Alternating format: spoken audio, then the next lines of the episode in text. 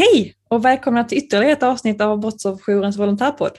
Kul att du vill lyssna på det här avsnittet, för det här avsnittet är ju fullspäckat med intressanta samtalsämnen. Eller vad säger du, Emily?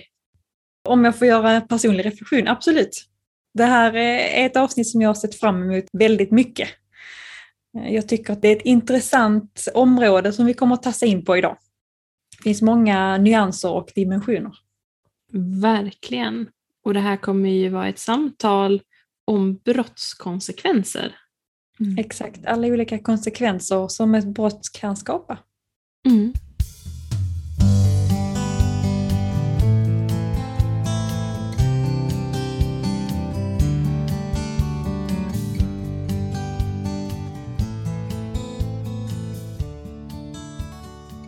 Och det, det, vi vill börja med att säga det är ju att konsekvenserna efter att ha blivit utsatt för ett brott har ju egentligen inte med brottsrubriceringen att göra. Det är inte brottsrubriceringen som, som bestämmer hur en brottsutsatt ska reagera. Nej, definitivt inte. Det är inte en rubricering som styr. Mm. Där är en, en människa bakom. Och det är ju vad den människan har varit med om tidigare som påverkar. Det finns också forskning som visar på att liksom din, din mentalitet, alltså har du en positiv syn på livet i generellt, att ja, men det här kommer jag klara mig ur, det här fixar jag, så har man också lättare att ta sig vidare. Mm. Det också, finns också forskning där har du folk runt omkring dig så är det också lättare om man har ett nätverk som man kan använda och man kan bolla med och som kan hjälpa en. Liksom, ja, men har du blivit förföljd, ja, men kanske kan följa med dig på promenader för att ta över det här yttre rummet igen. Mm. Eh, så det finns olika faktorer som spelar roll. Mm. Eh, hur du tar det. Ja men precis. Och det kan ju också vara så att eh, om man har blivit drabbad tidigare av ett annat brott så kan ju det också påverka.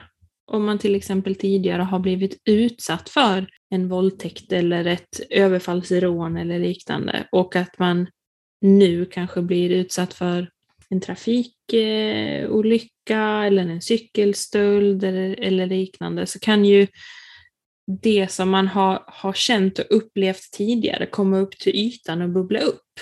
Så att man kan få en, en kraftigare reaktion och konsekvens eh, trots att den här cykelstölden som man kanske har blivit utsatt för nu i samhälleliga ögon, men det är väl inte så farligt, det är väl att skaka av sig.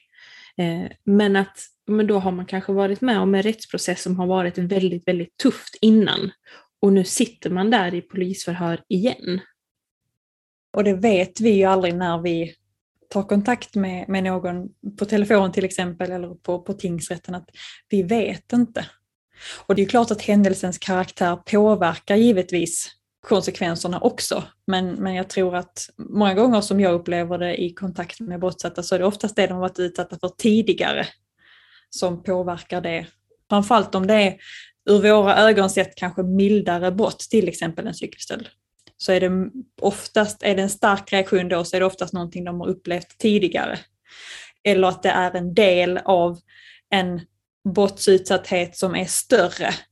Att det är kanske någon som blir förföljd eh, till exempel och nu försvinner cykeln. Men i anmälan så står det bara cykelstöld för att anmälan gäller bara cykelstölden. Man får inte reda på att det, det rör sig om stalking till exempel. Så att det finns liksom mer mer bakom. Mm. Så att om vi ska koka ihop det här så, så det vi vill säga det är att, att det finns ingen mall för hur en brottsutsatt ska reagera efter att ha blivit utsatt för ett brott. Nej, det finns det definitivt inte och där är det, ju, det är viktigt att tänka på. Så att vi möter, vi möter individen där individen är och försöker liksom hjälpa till i att hantera de här konsekvenserna och behovet som de här konsekvenserna skapar ska vi ju möta. Det är ju stöd utifrån den enskildes behov. Om vi, vi börjar med, med första kategorin. De, man brukar dela in det i, i fem olika kategorier. De gör det i alla fall i, i litteraturen så att vi tänker att vi, vi utgår väl från dem idag. Det tycker jag definitivt. Och om vi tittar på den, den första konsekvensen hittar vi de fysiska konsekvenserna. Och det är väl kanske de konsekvenserna som kan vara lättast att peka på. Och framförallt då de direkta fysiska konsekvenserna, de vi kan se. Som till exempel skador och sår på kroppen. Om det är så att man har blivit utsatt för en misshandel så kanske man har fått ett blåmärke i, runt ögat eller eh, man har fått eh, en sårskada på armen eller liknande. För det är det vi kan se med våra ögon. Och sen så kan det ju också finnas indirekta fysiska konsekvenser. Och det kan ju vara till exempel att man får huvudvärk eller andningssvårigheter efter att man har blivit utsatt för ett brott. Ehm, och man kan också eh, få sömnproblem, ont i magen och känna aptitlöshet. Att man har svårt att äta, man har svårt att, att, att koncentrera sig. Och här är vi och snuddar lite grann på en annan konsekvens, de psykiska konsekvenserna. Så att de går ju ihop lite grann med varandra.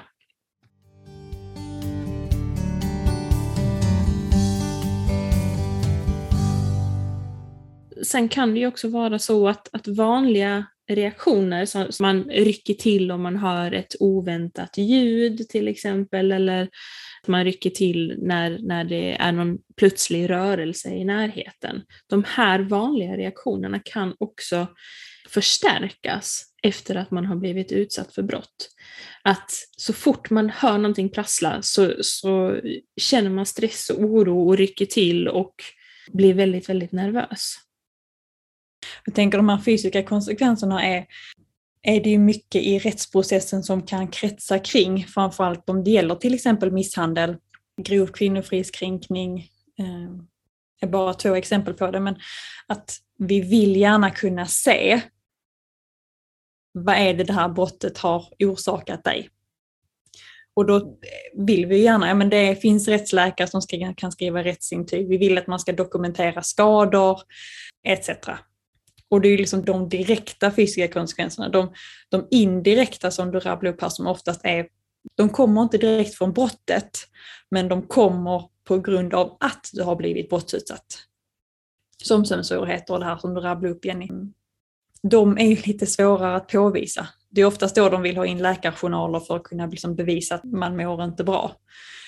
Ehm, så att det är ju fysiska konsekvenser är det mycket kring polisanmälan eh, och polisutredningen och sen rättegångssnurret som, som handlar om. Mm. Och här kan vi möta det på liksom olika sätt. Alltså vi kan ju möta de indirekta och vi kan möta de direkta. På grund av det här så har jag brutit min arm. Det är liksom, okej, okay, har du varit hos läkaren? Har du mm. fått det gipsat? Ja, jo men då har jag fått, okej, okay, anmäl det här till försäkringsbolaget. Så det är i de aspekterna som vi kan hjälpa till. Vi kan inte läka skadan till exempel och vi kan inte ta bort eh, huvudvärken och eh, utslagen som stressen efter brottet har orsakat. Eh, men där kan vi, vi kan liksom hänvisa till rätt instans där och det är ju sjukvården oftast. Mm. Så det som säger, de här är lite lättare att peka på. Och vi, vi var inne och snuddade där lite grann på de psykiska konsekvenserna också. Um, och de här konsekvenserna skulle man kunna säga är de mest kritiska och kanske svårast att hantera. För att, precis som du sa Emelie, de är ju mindre synliga än de direkta fysiska konsekvenserna. Utan det är ju någonting som, som har tagit skada inuti dig. Det kan ju till exempel vara att man känner sig rädd och stressad reagerar väldigt kraftigt på, på olika typer av ljud och, och rörelser och man känner oro för att gå hemifrån eller kanske till och med känner oro i sitt eget hem om det är där som brottet har begåtts. Som till exempel eh, grov kvinnofridskränkning eller att man har haft inbrott eller liknande. Men andra psykiska konsekvenser kan ju vara att man har svårt att, att minnas och, och ta in information. Och det är ju ofta någonting som, som vi möter i, i, i vår verksamhet. Att Man har svårt att komma ihåg vad, vad polisen har sagt och har svårt att ta in informationen, även om det är så att dels polisen men också vi i vårt stöduppdrag kanske talar om att jo, men ta kontakt med ditt försäkringsbolag och anmäl din gipsade arm. Men det här kanske vi får komma tillbaka till flera gånger under flera stödsamtal för att den stödsökande har svårt att ta in den här informationen. Att just det, jag måste ta kontakt med mitt försäkringsbolag. Men det är så mycket annat som snurrar i, i huvudet. Som till exempel att när vi pratar med den stödsökande så kanske den stödsökande sitter hemma och det är hemma som den stödsökande känner oro på grund av att det är där som brottet har skett. Och då är det svårt att ta in och lagra den här informationen som vi ger. Absolut, det är, det är krisreaktioner. Mm. Det är chock och eh, men varför har det här hänt mig? Mm. Det är en fråga som vi får oftast. Mm. Varför, varför jag? Och det, det, kan ju, det kan ju ingen svara på. Och det som, som också är framträdande, alltså det är klart att psykisk konsekvens, det kan vara depression, det kan vara självskadebeteende eh, som det här brottet har, har triggat igång. Så det kan ju liksom vara, vara allvarlig psykisk ohälsa eh, och ibland även psykisk sjukdom som kan leda av det här brottet. Så det är ju konsekvenser som kan ett brott kan verkligen förändra någons liv. Mm. Och I psykiska konsekvenser ingår också det här med, med skam och skuld. Som vi hör så ofta, ja men hade jag inte gjort det här så hade det inte hänt. Att man skyller på sitt, sitt eget beteende. Det finns ju liksom forskning och litteratur som säger att man gör det för att ens eget beteende kan man kontrollera. Jag kan låta bli att bråka med honom när jag vet att han har druckit innan för jag vet att han slår mig. Så att gör jag det så får jag skylla mig själv. Ens beteende kan man kontrollera vilket gör att då har man också kontroll över sin brottsutsatthet. Men du har aldrig skuld i det någon, någon annan utsätter dig för. All skulden ska ju ligga hos den som utövar brottet mot dig. Det, det är dens val, det är dens handlingar. Det kan ju aldrig vara den brottsutsattes fel. Men det är lättare att lägga skulden på sig själv. För att det kan jag kontrollera. Det som händer utanför mig kan jag inte kontrollera. Och kontroll är ju det som många vill ha. Och blir man brottsutsatt, ja men jag vill inte bli brott. Jag vill inte bli slagen, jag vill inte bli lurad, jag vill inte bli hotad. Och genom kontroll kan jag styra situationen. Men många brott kan du inte kontrollera. Och du ska inte behöva kontrollera situationen så att, så att det är någon som gör någonting mot dig. Så det är också väldigt närvarande skam och skuld i de här psykiska konsekvenserna och skam till exempel vid, vid sexualbrott är ju jättenärvarande. Jag tycker i alla fall det är de samtalen jag har. Hur känner du Jenny? Ja, men jag, jag kan inte annat än att hålla med.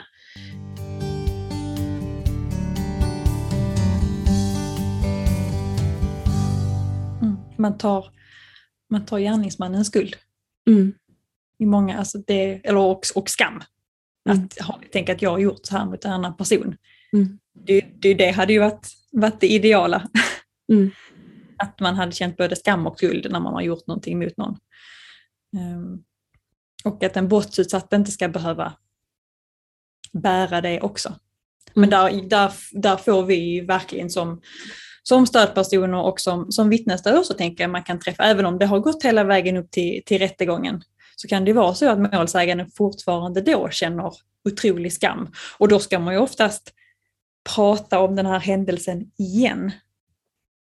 Alltså under hela processen så behöver du ju prata om det här ofta i polisförhör.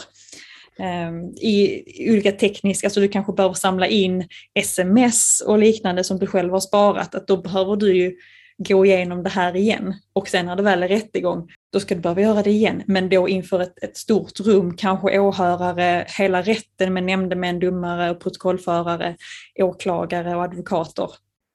Och känner du redan skam och skuld, när du går in där och du har kanske utvecklat en depression, du är kanske sjukskriven. Det är inte lätt. Mm. Det är därför de här psykiska konsekvenserna är så pass, som du sa här i början, är så pass svåra, kritiska och oftast de som jag kan känna liksom lever lång tid. Mm. Eller alltså, det över en längre tid.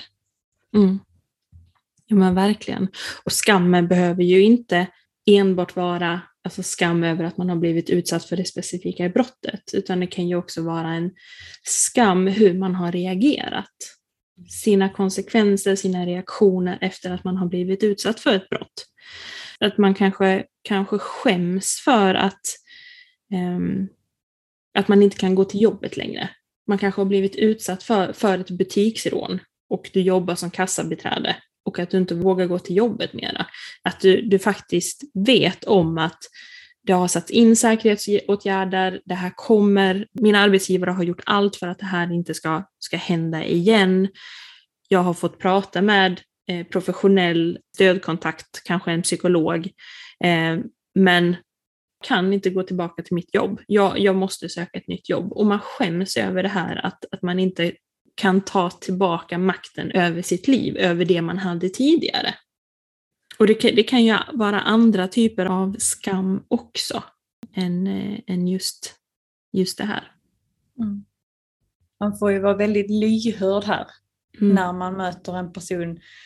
För de flesta som vi möter har, liksom att brottet har gett dem psykiska konsekvenser. Och behoven då för det är det vi, alltså konsekvenserna leder till att man har ett visst behov och det är behovet som vi ska möta. Och där är det otroligt viktigt som stödperson och som vittnesstöd att vara lyhörd. Mm. Och att lyssna. Vad är det för behov som, som personen har? Och vad är det för hjälp och för stöd som personen behöver av mig? Mm. Och gå tillbaka till vad är mina ramar? Precis. För det, för det jag ofta kan känna i samtal, det, det är att våra stödsökande har en känsla av att vara onormal. Att de här eh, reaktionerna och konsekvenserna är, är någonting som, nej men det är bara jag som känner så. Det är bara jag som, som känner skam och skuld för det här. Eller att jag är, har blivit rädd, stressad, orolig. Eller har aptitlöshet. Och där är det ju viktigt för, för stödpersonen att tänka på det här att, att komma tillbaka till att det, det här som du känner just nu, det är inte konstigt på grund av det här brottet du har blivit utsatt för. Det är en helt normal reaktion och det, det kommer gå över. Ge det tid. Men det kommer, det kommer kännas bättre. Det är en fullt normal reaktion på en väldigt onormal situation. Precis så. Och många reaktioner kan ju också vara svåra att förstå ibland. Och där kommer vi tillbaka till lyhördheten som du var inne på, Emily. Att som stödperson så får man plocka upp det som, som eh, den stödsökande säger. Att, ja men till exempel om den stödsökande har blivit utsatt för ett rån. Stödsökande var på väg hem från jobbet och lyssnade på musik i sina hörlurar. Och så helt plötsligt så kommer det fram en person med ett vapen och eh, stödsökande blir, blir rånad på alla sina saker. Och efter den här händelsen så, så har den stödsökande haft lite problem med att lyssna på radio. Och då kan man gräva lite grann i det där. Ja, men varför tror du att, att du har, har svårt att lyssna på radio? Nej, jag, jag vet inte. Då kan man kolla, ja men vad hände när, när du blev utsatt för brottet? Kan det ha varit så att du lyssnade på radio då? Nej, nej det gjorde jag inte, men jag lyssnade på musik.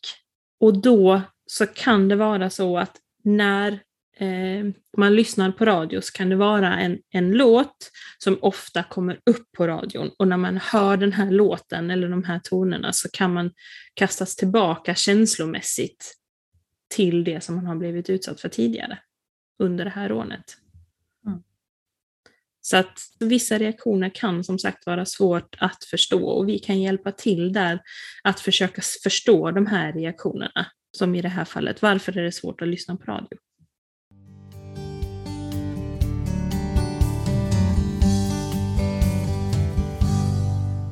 Och den tredje då i vår lilla lista är ju de sociala konsekvenserna. Och det handlar ju mycket om en, en otrygghet, att man kanske har, man är inte trygg med att, att befinna sig på jobbet. Man är inte trygg hemma. Man är inte, känner sig inte trygg att gå ut med hunden på kvällen. Och då gör det att man drar sig tillbaka. Det kan vara att man har blivit utsatt för ett överfallsrån. Och det gör att man liksom begränsar sig i sitt livsutrymme socialt. Man går inte på vissa platser, man besöker inte vissa hus, vissa lägenheter. Ehm, det kan vara så att man inte vill vara hemma. Det blir liksom en, en ändrad livsföring.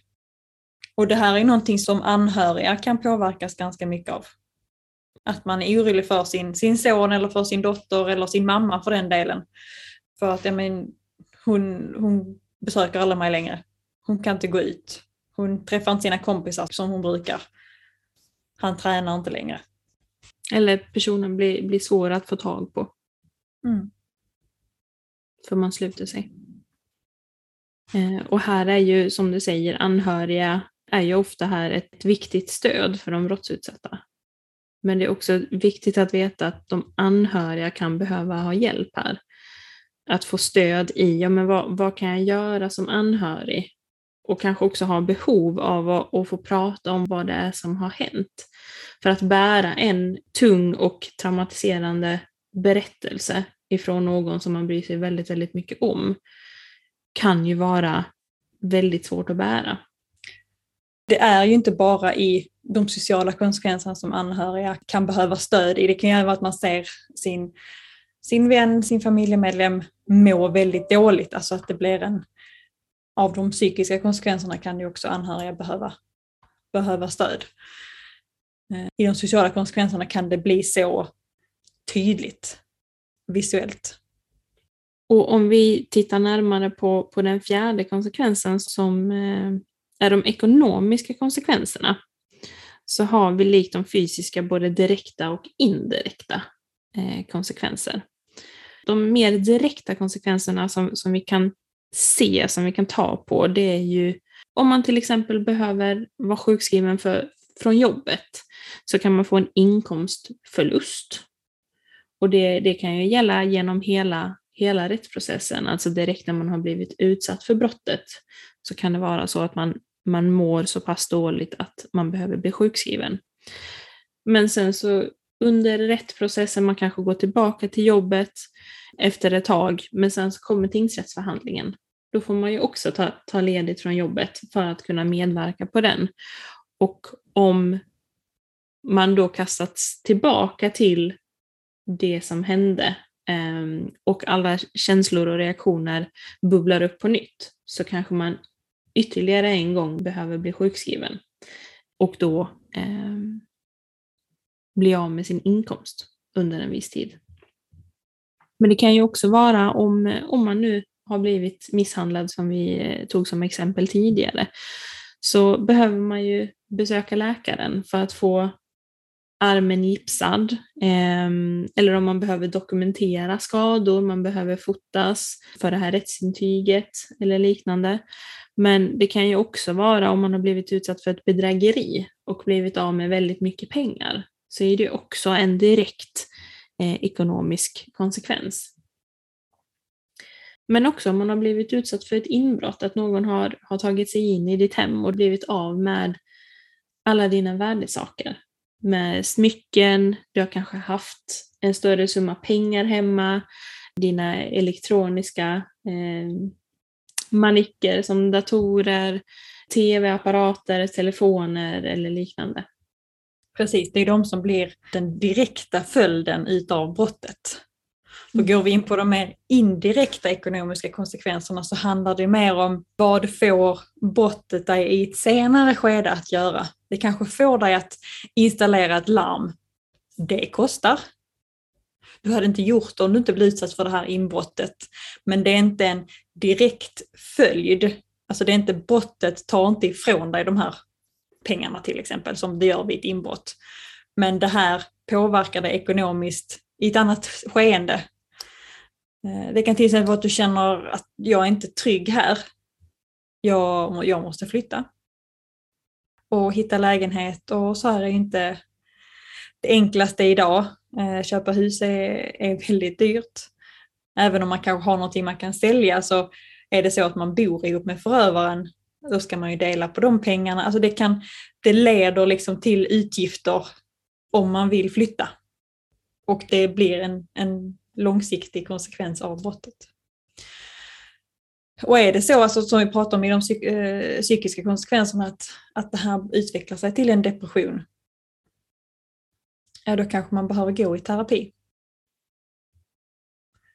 Och det är också någonting, brottet i sig tar inte ifrån dig pengarna.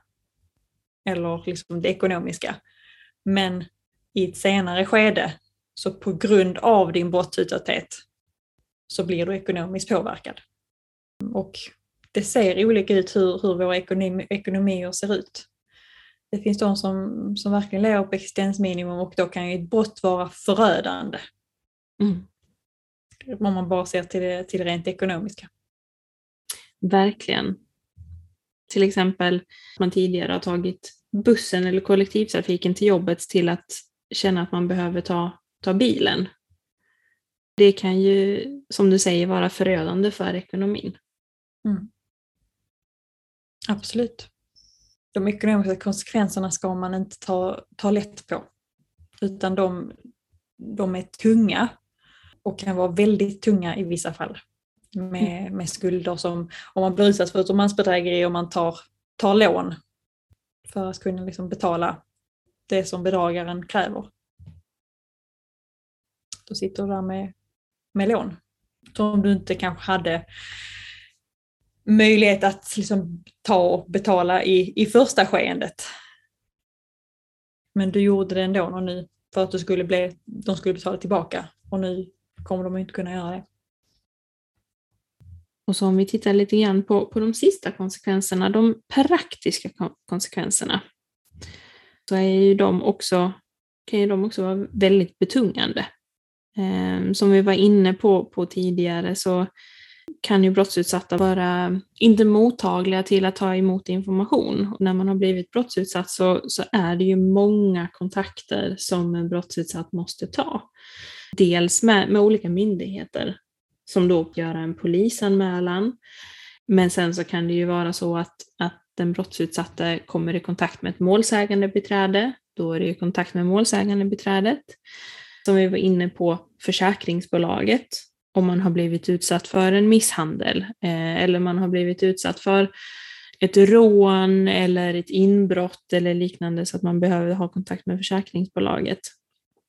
Och det kan ju vara socialtjänsten om det är så att, att det är också barn som har blivit utsatta för, för brott, att det finns barn i familjen som påverkas. Det kan vara sin telefonoperatör om det är så att man har blivit utsatt för ofredanden via telefon. Att det är, är någon som ringer väldigt mycket eller smsar väldigt mycket eller på andra sätt tar kontakt om man behöver byta telefonnummer. Eller kanske till och med byta operatör helt och hållet.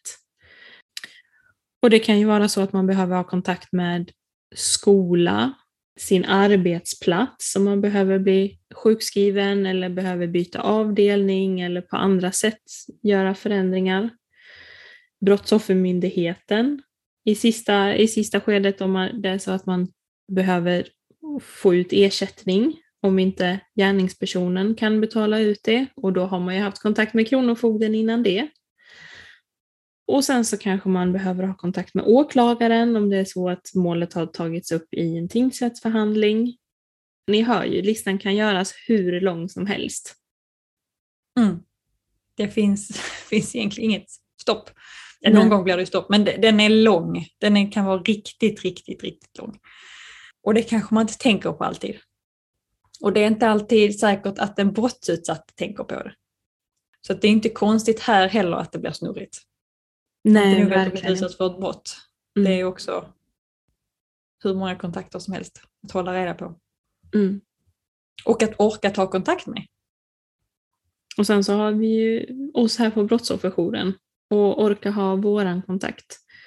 Um, här kan ju vi fylla en, en viktig roll också, att plocka ner allting till det praktiska. Ja, men vilka kontakter behöver du ta just nu? Vilka kan vi vänta med?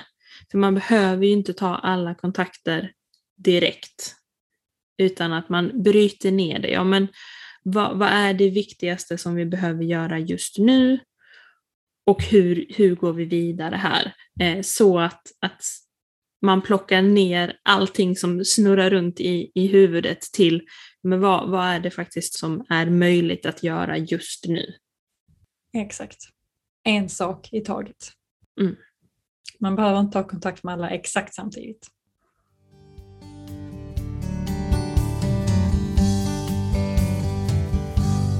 Det var de eh, fem konsekvenserna som finns i litteraturen i alla fall. Eh, och vi har försökt ge så många exempel vi kan och försökt konkretisera dem. Eh, och ni har säkert hur många andra exempel som helst från era samtal och, och kontakter.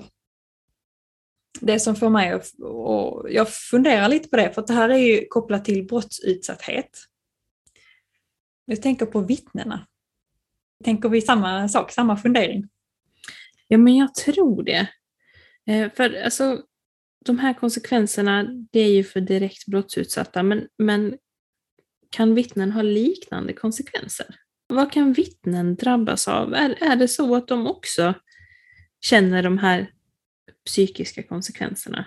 Det kan vi ju höra både i stödverksamheten och vittnesstödsverksamheten, att man känner sig rädd, orolig, stressad.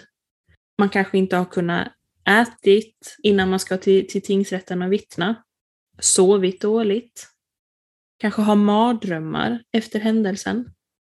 Och det är kanske så att man drar sig undan. Man är kanske rädd, har man sett ett rån?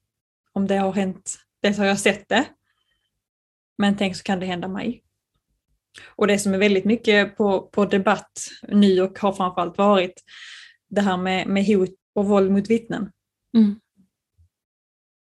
Den rädslan och oron som du säger Jenny, eh, men också det, det fysiska, så blir du blir du utsatt för misshandel, då är du både vittne och brottsutsatt i och för sig.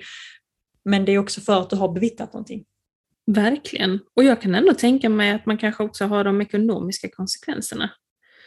Att ja, men du har befunnit dig kanske på, på en brottsplats och gärningspersonen har sett dig. Och att du vid tillfället har haft en, en jacka till exempel som är, är väldigt unik Eh, och du känner, nej den här jackan kan inte jag ha igen.